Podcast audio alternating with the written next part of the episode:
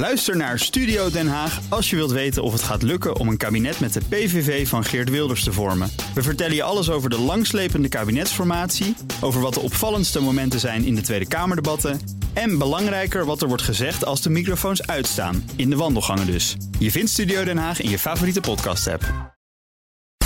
BNR Beurs wordt mede mogelijk gemaakt door Bridge Fund. Make money smile. BNR Nieuwsradio. BNR Beurs. Jelle Maasbach. Welkom met belangrijkste beursnieuws uit binnen- en buitenland. Dat hoor je hier op de dag dat de boel bij Shell op zijn kop werd gezet. Demonstranten die namen de aandeelhoudersvergadering over. Go to hell, Shell, and don't you come back no more, no more, no more, no more. Go to hell, Shell, De AX is twee tiende van een procent lager gesloten. Slotstand net onder de 766 punten. Grootste daler is Exor met een verlies van 2,2 procent. Er is genoeg te bespreken en dat doe ik samen met Jos Versteeg van Insinger Gillissen. Geen Wesley dit keer, dus uh, Jos naast me in de studio. Goed dat je er bent. Dankjewel. We hebben het uh, zo over die bizarre bijeenkomst van Shell-beleggers in Londen... en een uh, deal die Apple heeft gesloten. Maar eerst ander nieuws. Wat viel jou op? Ja, vandaag in één keer ging de luxury sector behoorlijk onderuit. En die zit voornamelijk in Frankrijk. Hermes, daar begon het mee, 7% naar beneden. Zo. Echt wel spectaculair. LVMH 5%. En Moncler ook 5%. En dat was eigenlijk niet echt een directe reden. Ik zag iets van dat er toch een bijeenkomst was van een of andere broker in Parijs. Maar ja. Deutsche Bank heeft wel wat gezegd. Die sector is duur geworden. En dat is het ook wel hoor. Uh, die sector, Hermes geloof ik, plus 30 procent. Is in, in uh, year to date. Dus, en, en uh, Hermes had een KW van 50. Dus oh ja. het is wel. Een correctie is misschien dan. Een correctie is, dat snap ik dan wel. Maar toch wel fors. Ja, zonder nieuws vind ik dat wel op, opzienbarend. Ja, ik zag uh, nieuws over Ford voorbij komen. Dat heeft deals gesloten met lithiumproducenten over de hele wereld. Ze willen lithium uh, veilig stellen om elektrische auto's te bouwen. Veel meer autobouwers vechten om dat spul dat uh, cruciaal is voor de batterijen en dus voor hun auto's. Binnenhalen ervan alleen is de laatste maanden steeds lastiger en lastiger geworden. Veel concurrentie, omdat iedereen het wil hebben. Verkopers die kunnen vragen wat ze willen. En de grondstofkosten die schommelen. Ja, als mijnbouwer, Jos, dan zit je geramd. Alleen het is wel per definitie milieuvervuilend. Dus hoe handig is het dan als we daar allemaal weer. Ja, maar goed, het is toch wel heel, heel belangrijk om in ieder geval de CO2 uh, te laten dalen. Om meer elektrische auto's te laten rijden. Als je die stroom voor die elektrische auto's dan ook wel op een groene manier produceert. Ja. Jij hebt het net allemaal over die luxe tassen en sjaaltjes en zo. Ja. Maar dit is ook wel uh, goud, hè, dat lithium. Dat is echt, Absoluut. Ik zag dat ExxonMobil ook een licentie had gekocht ja. om erin te gaan investeren. En dat is natuurlijk voor een, ja, voor een olieproducent zou dat een mooie omslag zijn. Ja. Dan Italië. Ik weet uit betrouwbare bron dat het een land is dat jij mag, waar ja, je vaak te vinden bent. Ja, ja, Er is het crisis. De prijs van pasta is namelijk gigantisch gestegen. Met 17,5% in maart en met 16,5% in april. In vergelijking met het jaar ervoor. Dat is het dubbele van de inflatie uh, in uh, die maanden. Uh, kortom, de pasta wordt veel duurder dan de rest. Er is al een crisisoverleg geweest bij de regering. Volgens CNBC is er zelfs gesproken over een pasta-prijsplafond. en ook niet zo gek, want gemiddeld eet een Italiaan 23 kilo pasta per week. En er wordt nu ook gesproken over stakingen. En daar moest ik om lachen, maar toen ging ik even terug in de tijd. In 2007 is er al eens een keer een staking van een dag geweest vanwege die pastaprijs. Oeh, ja. Nee, dat moet, moet je zelf maar maken. Een handje meel, een, eitje en een uh, beetje boot. Nee, en een beetje water. Heel goed. Nieuws uh, ook voor klanten van ING. Ze krijgen ietsjes meer rente op hun spaargeld. Nu ontvangen ze 0,75% Gaat vanaf juni naar 1% Het is de tweede renteverhoging in korte tijd bij ING. Volgt daarmee concurrent Rabobank, die vorige week bekend maakte de spaarrente te verhogen. Ja, minister Kaag die riep laatst al op, verhoog die rente. Hebben ze naar haar geluisterd of denk je gewoon, dat ze de concurrentie hebben gevolgd. Ja, ik denk dat we de concurrentie zien. En wat je ook ziet in Amerika, hè, van dat, dat banken wel onder druk gezet worden. Kijk, uh, je krijgt bij een bank op een spaarrekening bijna niks. En je krijgt als je een, uh, een kortlopende obligatie neemt, zo krijg je toch een flink hogere rente. In Europa stappen, en zeker particuliere stappen niet zo snel over. Maar in Amerika is dat wel veel gebeurd. En daardoor zijn heel veel banken in problemen gekomen. Dus ik snap wel dat zij zich een beetje zorgen maken. En uh, toch die rente maar wat verhogen. Echt een lousy 1%. Dan kan je beter een deel op de beurs ja, beleggen. Nou, dat, kun je, dat denk ik sowieso. Maar ja, dat uh, verschilt per persoon, hè? Straks hebben we het over een explosie bij het Pentagon... waardoor de Amerikaanse beurs gisteren naar beneden ging. En gelukkig, die explosie die bleek nep, met AI gemaakt. Maar nu is wel de vraag, moet je je als belegger zorgen maken om die techniek? We beginnen met de aandeelhoudersvergadering van Shell. De voorzitter die probeerde nog om de boel rustig te krijgen. I, I could, excuse me, excuse me. I, I, I, I think we've heard your point. You've made it several times over. Will you sit down, please? Maar dat lukte niet bepaald, zoals je hoort.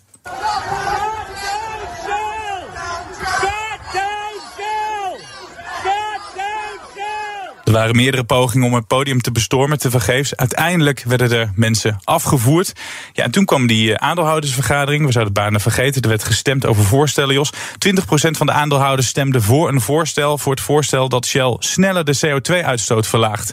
Dan kan je zeggen, 80% stemt dus tegen. Maar die 20% is dan toch nog wel meer dan je had verwacht? Ja, dat vind ik ook wel veel. Nou, het was wel minder dan een, een jaar geleden. Toen lag het op 30 procent. Maar ja, dat heeft waarschijnlijk ook wel te maken met uh, door de energiecrisis die we gehad hebben. Dat mensen toch ook denken van, van ja, het is toch ook wel belangrijk dat we niet uh, alle schepen achter ons verbranden. Maar dat als er een keer tekort komt, dat we in ieder geval nog voldoende achter de hand hebben. En ja, kijk, ik heb heel veel sympathie voor op zich voor mensen die zich daar zoveel zorgen over maken. En daar echt zoveel op inzetten. Niet voor die mensen die ze daar, daar staan te schreeuwen als een stel bakvissen. Dat vind ik, ja, vind ik kinderachtig. Maar ik begrijp wel dat mensen de angst over hebben. Ik ben zelf, maak mezelf ook wel erg veel zorgen over de opwarming van de aarde. Ik hou zelf van duiken. En als je dan duikt, dan zie je bij die koraalriffen... daar zie je de effecten van het opwarmend zeewater. Het koraal wat wit wordt en afsterft. Dat is daar heel goed te zien. En uh, daar zouden mensen meer naar moeten kijken. Dan zie je hoe ernstig uh, het is. Maar aan de andere kant ja, begrijp ik dus ook heel goed wat Shell zegt. Van, ja, als wij als enig bedrijf gedwongen worden om, om, om minder in uh, olie te gaan, dan pakt een ander ons marktaandeel af. Dus dat snap ik wel. Je, je zou het eigenlijk meer centraal moeten doen. Hè, met alle, alle landen tegelijk. Overheden zouden daar maatregelen voor moeten nemen. Maar ja, uh, ik zie de Saoedi-Arabische overheid daar niet zo snel aan gaan uh, meewerken. Dus nee. dat is het grote probleem. Maar Shell kwam wel met het financiële argument. Dat is misschien dan ook wel wat minder sterk te noemen. Die zei: ja, je moet vooral tegen dit voorstel stemmen, want het voorstel kan financieel slecht uitpakken. Dat ja. moet dan toch niet alleen de reden zijn? Nou, dat snap ik wel, dat het, uh, dat het natuurlijk slecht uitpakt. Want uh, ja, Shell gaat dan veel marktaandeel verliezen. En het probleem... Kijk, en dat is natuurlijk wel het zieke van het hele geheel. Shell wil eigenlijk helemaal niet die transitie maken. Want op olie verdienen ze gewoon veel meer. Ja. En uh, ze hebben wel gezegd, nou, we willen dan leverancier worden van elektriciteit. Maar die rendementen zijn gewoon veel lager. Daarom zie je dat eigenlijk niemand de behoefte heeft. Kijk maar eens naar Ersted. Uh, die die uh, Deense windenergieproducent. Ja. die is helemaal overgestapt. Dat was vroeger een olieproducent. Maar dat is wel heel moeizaam geweest hoor. Met slechte rendementen. heel veel staatshulp. dus dat is niet echt een voorbeeld dat je denkt van dat dat zo'n succesvolle transitie is. Dat wordt heel moeilijk en dat moet afgedwongen worden. Doe je het bijvoorbeeld via uh, extra belasting op, uh, op, op brandstof, ja, dan, uh, dan, als je dat te veel doet, dan rem je de economie enorm af. Hè. Dat is als een forse olieprijsstijging. Hmm. En aan de andere kant krijg je dan ook weer een verdelingsvraagstuk. Want dan zullen mensen met heel weinig inkomen zullen dan geen auto meer kunnen rijden. Dus het is heel lastig op te lossen. Maar het probleem is van dat iedereen elkaar zit aan te kijken van ja, het is lastig op te lossen. En vervolgens gebeurt er niks. Dus ik begrijp heel goed dat mensen in paniek raken. En zeggen, jongens, er moet echt wat gebeuren. Want ik las laatst dat uh, volgens mij al, over enkele jaren de aarde al anderhalve graad is opgewarmd. Daar heb je al jaren dat de aarde anderhalve graad is opgewarmd. Ja, dus uh, ze vallen dit bedrijf aan, maar eigenlijk moet je zorgen dat iemand daarboven die die bedrijf controleert. Ja. Een vuist ja. gemaakt. Uh, iets anders. Laatst zeiden ze in. Je hebt het net over. Uh, Shell wil die transitie niet maken. Hè? Uh, ja. Laatst werd al gezegd in BNR Beurs. Misschien moet Shell zich maar afsplitsen. In een, in een groen onderdeel en in het oude onderdeel. Hoe ja, dat sta je daar tegenover? Dat is volgens mij een voorstel geweest van Daniel Loop. Uh, met First Point of zo. Precies, ja. En ja, dat zou natuurlijk een idee kunnen zijn. En dat andere gewoon maar uh, ja, af laten sterven. En ik, ik verwijt ze ook wel eens dat zij. Uh, la, een paar jaar geleden verkochten ze een groot olieveld voor 10 miljard, dacht ik. Ja. En wat deden ze? Gingen ze het uitkeren aan de aandeelhouder. Je zou dan ook wel kunnen zeggen: van ja, zou Shell dan niet omdat zij uiteindelijk die transitie moeten doen, heel veel moeten investeren in nieuwe energie. Ja, nou daar snij je wel een interessant punt aan. Want Shell krijgt die aandeelhouders natuurlijk mee, omdat het nog genoeg cadeautjes uitdeelt. Dus of ze gaan aandelen inkopen of ze gaan dividend uitkeren. Ja, ja. Dat geld kan dus beter misschien naar uh, de verduurzaming, zeg je. Ja, alleen economisch gezien ja, levert dat nog niet zoveel op. Maar ja, dat is, ja, dat is ondernemen. Hè. Kijk, als zij daar veel in gaan investeren en zij die draai kunnen maken naar, uh, ja, op een hele alternatieve, naar alternatieve brandstoffen. Tot slot kunnen zij die aandeelhouders nog koest houden met al die cadeautjes? Nou ja, afgelopen jaar wel met die olieprijzen. Ze hebben nog nooit zo'n hoog rendement gehaald. Maar ja, dat blijft natuurlijk niet altijd. Het kan ook. dus, Kijk maar naar de geschiedenis de afgelopen 20 jaar van Shell. Eh, De koers heeft altijd gefluctueerd tussen de 15 en de 30. Nou, nu zijn we weer op 30. Dus of het nou een hele goede belegging is, daar kun je wel je vraagtekens eh, bij zetten. Ja. Dan naar eh, Apple. Dat heeft een miljardendeal gesloten met chipmaker Broadcom. Het gaat 5G-chips afnemen. Chips die worden gemaakt in de Verenigde Staten. Dat is leuk voor Broadcom, zo'n zo'n mooie deal. Is het ook leuk voor Apple? Uh, ja, dat denk ik wel. Uh, alhoewel het wel een tijdelijke deal is. Want Apple wil al heel lang die, uh, die, die, die, die F-bar filters of RF front-end filters. Dat zijn eigenlijk de communicatiechips in een, in een, in een telefoon. Ja. Die willen ze al heel lang zelf gaan maken. Maar dat lukt ze nog niet echt. Dat is, dat is iets wat Apple voortdurend doet. Hè, en dat, dat levert ze ook heel veel op. Ze hebben de processor nu al zelf ontworpen. Hè. Die werd vroeger bij Intel gekocht en een tijdje bij IBM. Maar nu ontwerpen ze zelf de processor. En die laten ze dan bij TSMC maken. En hetzelfde willen ze doen met die, uh, met, met die connectivity chips. Overigens vraag ik me af of ze helemaal in Amerika worden gemaakt. Want Broadcom die besteedt ook een heel groot deel uit aan TSMC. Ja, want dat was het ding. In de persbericht werd, kwam het Amerikaanse chips Ja. kwam voorbij. Ja. Made in America, daar gaan ze natuurlijk altijd heel goed op, die eh, Amerikaanse Ja. eh, jongens. Eh, Maar jij twijfelt daar dus een beetje aan of dat echt een Nou, Amerikaanse is. in, in dit geval wel. Want tenminste, Broadcom heeft een, een, een, een sterke banden met TSMC. Ik weet niet precies de details. Ik denk wel dat een deel ook in Amerika gemaakt zou worden. Je ziet dat er gewoon steeds meer chipfabrieken in Amerika komen. Maar wat wel bijzo- bijzonder is, het valt binnen dat plan... dat Apple beloofd heeft om in de komende vijf jaar... eh, 435, dacht ik uit mijn hoofd, miljard Klopt. Te investeren in Amerika. En dat is toch wel echt een gigantisch bedrag. Wat betekent dat eh, voor de strijd tussen de Verenigde Staten en, en China? Gaat daarmee eh, Amerika en China voorbij in die, in die chipoorlog? Nou, ik denk dat zij al een grote voorsprong hebben ten opzichte van, eh, van China. Amerika is duidelijk de bovenliggende partij. Maar Apple is wel ontzettend afhankelijk van China. Hè? Uh, een tijdje geleden stond er een heel interessant artikel in, de, in een FT over. Dat als je kijkt naar de productiemethode, speciale machines om uh, die, uh, de, de, de, frame te maken voor, mm. een, voor een iPhone. Maar ook allerlei andere apparatuur, productieapparatuur. Dat is allemaal, allemaal naar China verhuisd. China heeft 42% van alle ISO 9006, wat is het, 9001 gekwalificeerde bedrijven. 42 procent. Nou, als je de hoeveelheden kijkt, ik zie het hier voor me staan: 427.000 in China. Tegen 37.000 in India en 26.000 in de VS. Kortom, ze hebben gewoon die toeleverancier, die hele infrastructuur voor toeleverancier van, van, van producten, hebben ze niet nee. meer. En daar zijn ze heel erg afhankelijk van van China. Ook wat, ze, wat je ziet, wat ze verschuiven naar India, daar, daar doen ze wel wat assemblage. Maar veel van die, de echte, de, de, de, de, zeg maar, de toeleverancier, de, dat komt allemaal nog uit China. Ja, dat was gelijk de volgende vraag. Want elke keer als we nu over Apple hebben, dan gaat het over bepaalde productie die naar India gaat. Of zoals nu dat ze dingen in Amerika willen. Maar ze kunnen nog steeds niet zonder China, als ik dit zo hoor. Nee, absoluut niet. Nee, en daar zijn ze met handen en voeten aan gebonden. En je ziet ook dat ze wat dat betreft nog wel veel blijven doen. Dus ze blijven ook echt in China investeren. Daar blijven ze echt. En uh, de, de, de Financial Times was er, is er meer mee bezig geweest. Want die, die, noemde, die noemde laatste Apple een Chinees bedrijf.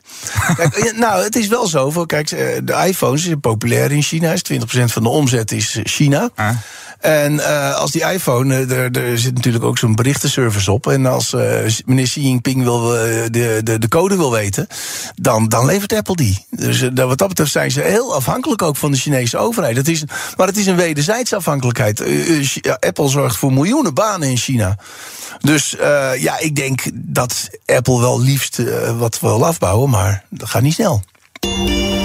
BNR Beurs. En toch nog even in de Verenigde Staten blijven. Wall Street, de Dow Jones staat een tiende van een procent in de min. De S&P 500 verliest 0,6 procent. De Nasdaq 0,7 procent. Je had het net over Apple. Aandeel staat 0,9 procent lager. Zoom, zoom jij nog wel eens? Nee, nooit meer. Nee, ik ook niet. Dat heeft Microsoft goed gedaan hè, met dat Teams. Dat ja. doet echt iedereen. Ja. Dit was een dingetje tijdens de coronacrisis. Dat is goed te zien aan de kwartaalcijfers. Die vielen behoorlijk tegen. Aandeel staat nu 7,1% in de min. En dan een ander aandeel wat eruit springt. En daar heb ik het ook niet vaak over met jou. Yelp. Daar kijk ik nooit naar. Dat, eh, ja, dat ik nu moet uitleggen, dat zegt genoeg. Het is een restaurantbeoordelingswebsite. Oh, ja. Heel Ja, klein bedrijf met een enorme uitslag. Eh, want het eh, aandeel gaat zo'n eh 8% omhoog. Dat komt omdat een activistische aandeelhouder een oproep doet aan het bestuur. Meldt de Wall Street Journal. Onderzoek de strategische mogelijkheden. Is die oproep, nou ja, daar weet je het wel. Ze willen gewoon dat die toko eh, verkocht wordt. En daarom gaat hij dus omhoog. BNR Beurs. Dan eh, naar een foto die een aantal beleggers deed schrikken. A picture of an explosion at the Pentagon got a lot of attention online today. This uh, fake photo right here caused a lot of people to panic, rightfully so. It even appeared to cause the stock market to skip a beat before digital experts showed it was fake and possibly AI generated. Een foto van een explosie bij het Pentagon, die bleek dus nep. Maar snap jij dat eh, beleggers eh, daarvan schrikken? Eigenlijk niet. Want eh, ik, als, je, als er iets gebeurt, moet je toch wel even goed naar de bron kijken. Nou, dan hebben natuurlijk de meeste beleggers hebben Bloomberg. En eh, die kun je toch wel redelijk goed vertrouwen, vind ik. Is bijna blind, zeg maar. Maar eh, ja, je moet altijd echt goed kijken waar het nieuws vandaan komt. En ja, de meeste vaak kwaliteitskranten of, Ja. of, of persbureaus... Die, die pakken dat meteen op van, van ja, dat was een, dat was, een- was een blooper. Ja. Toch zaten er mensen tussen die, die er wel op reageerden. Niet Ja. iedereen heeft een Bloomberg-terminal Nee, nee, nee, nee, dat, snap ik, dat snap ik ook heel goed. En, maar ja, ik, ik ben nooit zo van, van direct reageren hoor. Eh, Zo, zo, zo werkt het ook vaak niet in de professionele wereld. Nee. Dat doe je, dat, daar, daar denk je er nog eens even rustig over na. En direct reageren vaak op zoiets.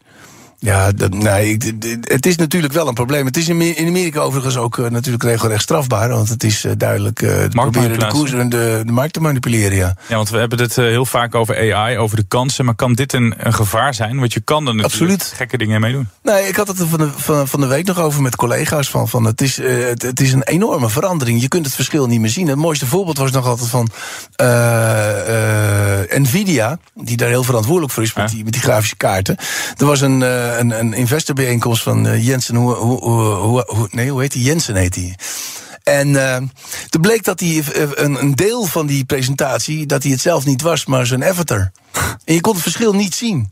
Dat was, was briljant. En, en, en dat is, ja, zo ver zijn we gekomen. Het is vergelijkbaar met 100 jaar geleden toen de fotografie en de film intreden deden. Dan hadden mensen denk ik ook het idee van wat krijgen we nu, grote veranderingen. Maar uiteindelijk zal er toch een soort ja, verificatie moeten komen. hè, Een soort watermerk. Dat zie je ook bij ChatGPT. Daar willen ze dus ook zo- zorgen Ja. dat je kan zien van nou, dat, dat komt van een, eh, van een AI-machine. Ehm, ja, want het is, het is bizar. Ook stemmen kunnen hevig. Nou, ik hoorde laatst een, Bie- een, een, een nieuw Bie- of een oud Beatle-liedje opnieuw ingezongen Ja. door eh, Ja, John. Lennon. Ja. Dus ja, eh, je kunt er heel veel mee doen en dat, dat wordt een probleem. Maar ja, kijk, dat is natuurlijk zoals we auto's de weg naar Rome. Dat, dat mensen proberen de boel te eh, ver- verfalsificeren. En daarom eh, ja, benadruk ik nogmaals, het was bij mijn eerste baan is me dat heel erg ingewreven. Ga, probeer de bron te achterhalen. En op internet kun je bijvoorbeeld heel goed naar het bedrijf gaan. En dan kun je aan de, in de browser zien of je op de, op de juiste plek zit. En toch gaat het vaak ook over eh, snelheid. Eh, flitshandelaren die heel snel ergens op willen reageren. Dus ik kan me voorstellen als het een bericht Ja. is dat je Warren Buffett een filmpje voorbij ziet komen. En die zegt ik ga nu al die Coca-Cola aandelen ga ik gewoon dumpen. Ik zie daar gewoon helemaal eh, geen plezier meer in. Ja. Ja. dan kan je wel zeggen ik ga even kijken eh, of dit wel klopt. En, maar dan wil je misschien toch ook snel op handelen. Nee, ja, ik ben niet zo. Nee, nee, ik geloof daar niet zo in. Ik, ik, ik ben sowieso zijn wij lange termijn beleggers. Ja. En eh, de meest, meestal als er een probleem is bij een goed bedrijf, dan is dat vaak een kans om, eh, om in te stappen. Kijk, weet je. Mensen vragen vaak aan, aan, aan analisten van, van ja, kun jij de koers voorspellen voor een jaar? Nee, geen idee. Dat kan je niet. Dat is ook onze taak ook eigenlijk niet. Hè. We moeten wel koersdoelen maken en zo. Maar onze taak is eigenlijk een goed bedrijf te, te vinden. Ja. En als je, dat, als je zo'n portefeuille maakt met, eh, met hele goede bedrijven, die weten vaak als het tegen zit, dat ten goede te keren. Dan doen ze de juiste overnames, dan gaan ze flink investeren. Neem bijvoorbeeld Bezi, die zegt dat altijd heel duidelijk: van als het eh, mo- moeilijker gaat, dan gaan wij juist heel veel investeren. Dat als die markt weer gaat aantrekken, dat wij de goede apparatuur hebben en de producten hebben, kunnen maken die bedrijven van ons vragen. Ja. En een watermerk ja, zou heel fijn zijn als dat er voortaan eh, bij zit. Ja, ja. Zodat we kunnen kijken of een eh, CEO wel echt eh, is wie die is. Ja, want dat gaat nog een hoop verwarring geven, denk ik inderdaad. Ja. Dus dat is de tip. Gewoon als je je als belegger wil wapenen, gewoon eerst even goed je research doen voordat je je aandelen Dat vind ik wel, ja. Of, Even- of verkopen. Ja, ja, ja. Als je goede bedrijven hebt, dan hoef je je meestal niet zo'n zorgen te maken. En kijken wat er morgen op de agenda staat. En dat vertelt collega Sam van Zuilen. Los van de dagelijkse beurscijfers spelen er ook wat andere zaken die interessant zijn voor beleggers. Om te beginnen komt de Fed met de notulen van de laatste rentevergadering. Die zijn interessant omdat de Fed bij de laatste verhoging zin speelde op de renteverhogingen even op pauze zetten. Daarnaast doet het Europese Hof van Justitie uitspraak in de zaak van Facebook tegen de Europese Commissie. De commissie wil interne documenten inzien omdat het Facebook beschuldigt van machtsmisbruik. Facebook is daarentegen van mening dat de commissie geen recht heeft op alle interne documenten. Toch nog even naar die cijfers. De Duitse webwinkel Zalando houdt de algemene aandeelhoudersvergadering... en aan het eind van de dag worden de kwartaalcijfers van computerhardwareproducent Nvidia gepubliceerd. Ja, Nvidia, ik heb dat bedrijf uh, tijden geleden door jou eigenlijk leren kennen. Ja? Dat is wel grappig. Toen had ik gewoon naar je moeten luisteren. Want toen zei je, je moet het bedrijf in de gaten houden. niet gedaan. dus ik doe ook niet altijd wat met jouw tips. Helaas. Uh, dat komt dus met de cijfers. Ja. Waar kunnen we verwachten? Worden dat weer supergoeie cijfers? Ja, dat wel. En uh, kijk, ze hebben natuurlijk alles mee op dit moment. Hè. het, het, thema eigenlijk van de afgelopen maanden is geweest artificiële intelligentie. Het begon natuurlijk met ChatGPT. Toen dacht iedereen dat Alphabet achterliep. Hè. Ja. Uiteindelijk uh, zie je nu, nu ook, begrijpen mensen dat Alphabet een van de, de dingen heeft geleverd waar ChatGPT op gebouwd is. En uh, je ziet ook de koers van Alphabet heel erg aantrekken de, de laatste tijd. Maar Nvidia, met die grafische processors, die kunnen dus heel goed gebruikt worden voor artificiële intelligentie. Maar ook de software daaromheen. Mm -hmm. Dit bedrijf is echt perfect gepositioneerd om te profiteren van uh, de, de, de toekomstige investeringen in artificiële intelligentie. En die cijfers, ja, ik denk dat die, dat die, dat die wel goed zijn. Uh, ze zitten in een behoorlijk herstel. Je had het net over die luxe merken op de beurs die zo gigantisch zijn gestegen. Zo'n Nvidia is ook gewoon een kleine 100% of zo. Nou ja, dat is waar. Dat is, het is enorm hard gegaan. Ik geloof dat ze 150 hebben gestaan. Dus ze staan nu inmiddels boven de 300. Dat is echt, echt verdubbeld in een half jaar of iets meer. En dat maakt mensen ook wel angstig hoor. Ik kan me ook wel voorstellen dat je zegt van als je een flinke positie erin ja. hebt, dat je zegt ik neem, wat, ik neem wat winst. Ik heb ze zelf ook inderdaad. Ook, dat, dat wordt veel groter in je portefeuille. Ja. En dan wil je wel een keer uh, toch denken van, van nou, ik neem winst. Maar eigenlijk is dat nooit een slimme strategie. Hè? Als je goede bedrijven hebt en echt waarvan je weet dat ze goed zijn. Nvidia en Bezi ook bijvoorbeeld. zijn twee totaal verschillende bedrijven natuurlijk. Ja. Als je zeker naar de omvang kijkt. Maar er is wel eens onderzoek gedaan. Als je gewoon altijd in je portefeuille houdt.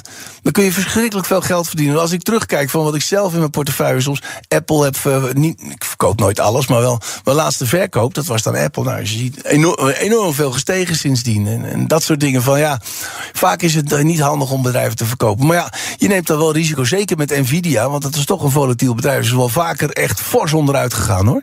Ja. Dus uh, dat begrijp ik wel en dat zeggen we ook wel tegen klanten: van, van ja, uh, neem maar een beetje winst.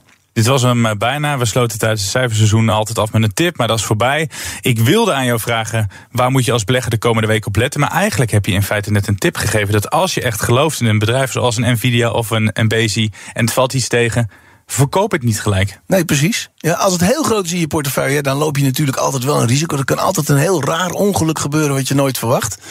Maar in principe, als het, als, als het een goed bedrijf is, je goed gekeken hebt naar het bedrijf, naar de marktpositie, de, de, de balans en alles, dan is vaak tegenslag. Uiteindelijk kunnen die bedrijven eh, eh, omkeren om daarvan te profiteren. Dankjewel. Jos Versteeg van Insinger Gillissen. En wij zijn er morgen weer. En dan heb ik het ook over Wesley Weerts, want die staat dan weer naast me. Tot dan. BNR Beurs wordt mede mogelijk gemaakt door Bridge Fund. Make money smile. Ook Diana Matroos vind je in de BNR-app. Ja, inderdaad. Je kunt live naar mij luisteren tijdens de Big Five. Ook handig in de BNR-app. Breaking nieuwsmeldingen, maar ook het allerlaatste zakelijke nieuws. En je vindt in de app alle BNR-podcasts, waaronder Wetenschap Vandaag. Download nu de gratis BNR-app en blijf scherp.